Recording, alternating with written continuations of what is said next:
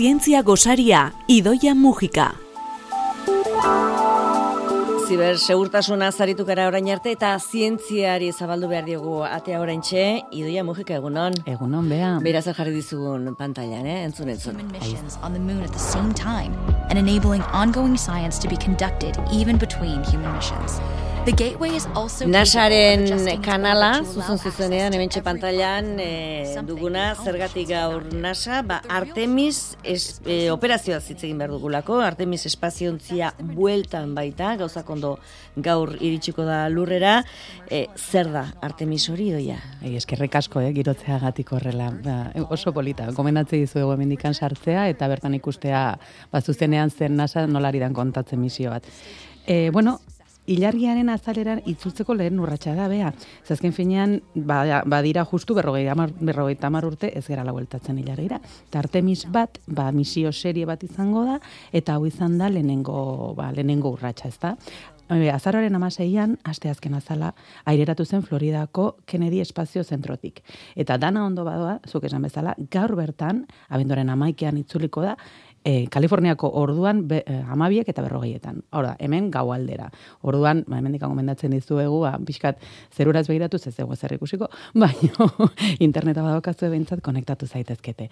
Artemis bat izango da, bueno, dana ondo joan da, egin behar, esan behar da, eta misio orbital bat izan da. Ilargiari buelta bat eman dio, bertan e, satelite batzuk utzi ditu, ilargiaren inguruan, ilargiako bueno, zonalde asko arakatzen eta bar, eta bueltan izango da, e, ba, frogatzeko nolabait teknologia hau e, menderatzeko gai gerala, ez? Eta gai izango gerala berriz ere, junda torria egiteko.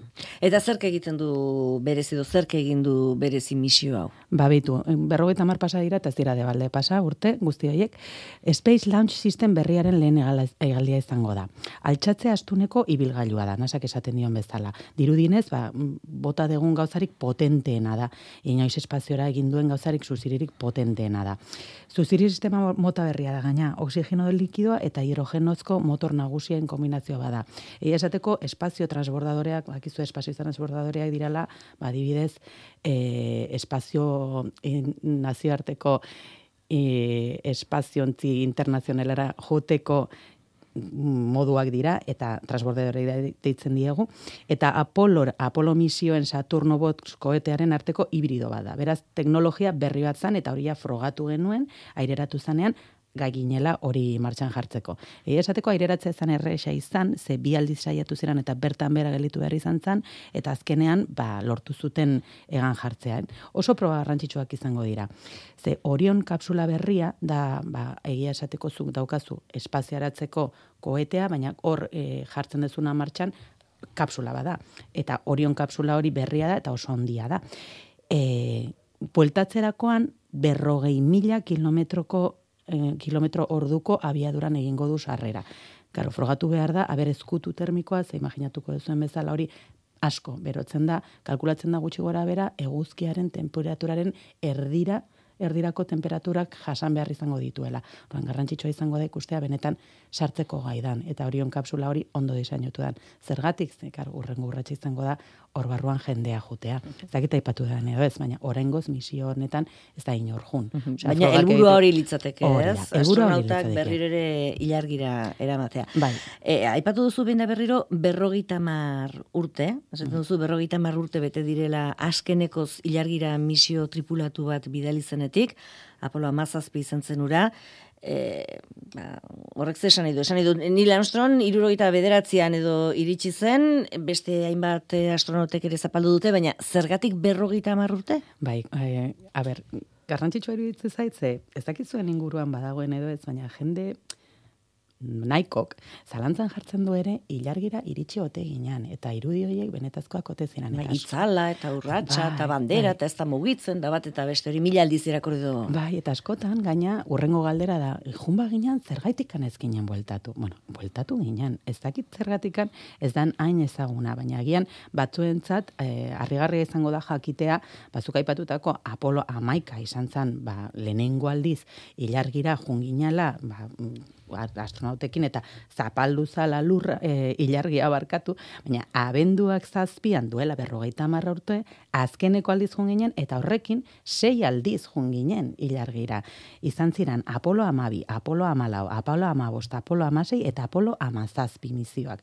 Ba, mila beratziren da irurogeita beratzetik, mila beratziren da irurogeita amabira, pentsa sei aldiz jun ginen ilargira bueno, junginan ni jun izan manitzu ezala, bat falta zaigu Apolo amairu porrote egin zuen, baina beste guztiak iritsi ziren. Eta horrek esan nahi du, emezortzi pertsona jarri genitula ilargian orbitan. Danak ez zuten lurra zapaldu, baina bitatik amabi, bai, niri bintzat datu hon, datu hau... Esan dezakegu, dozena bat lagun bintzat iritsi direla iritsi direla, orduan, ez da behin joan dala, bizik, eta irudi asko daude, lagin asko daude, e, uste dut, eunda amar kilo total eka, etkarri dirala, ba, ango materiala, ez, ilargiko materiala, lurreratu izan dira dala.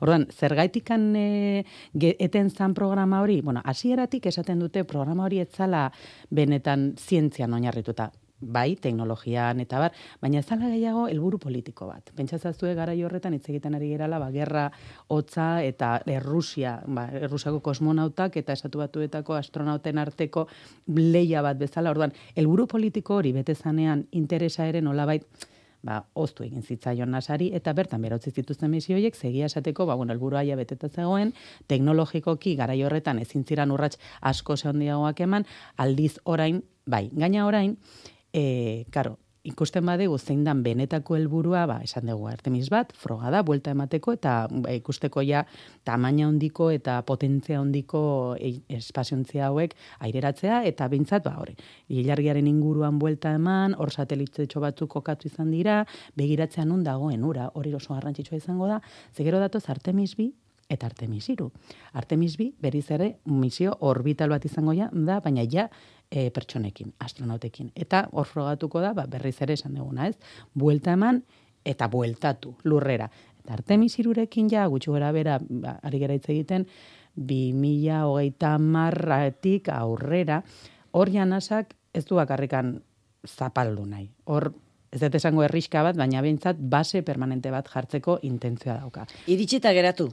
Iritsi eta geratu. Eta handikan begiratu nora jo ze bai ikusten da, e, behin e, teknologia hori garatu degula eta ilargian kokatuta gaudela nolabait, antikan e, errexagoa izan daitekela adibidez, marterako esplorazio bat zabaltzea ba, azken finean, ari geran egiten da, konkistatu benetan. Neri pena pixka bat ematen ditela, itortu behar dizuete. Bueno, pena ezakitan hitza, baina bai ematen dit gauza esatea, jo, horrere utzi behar ditu gure...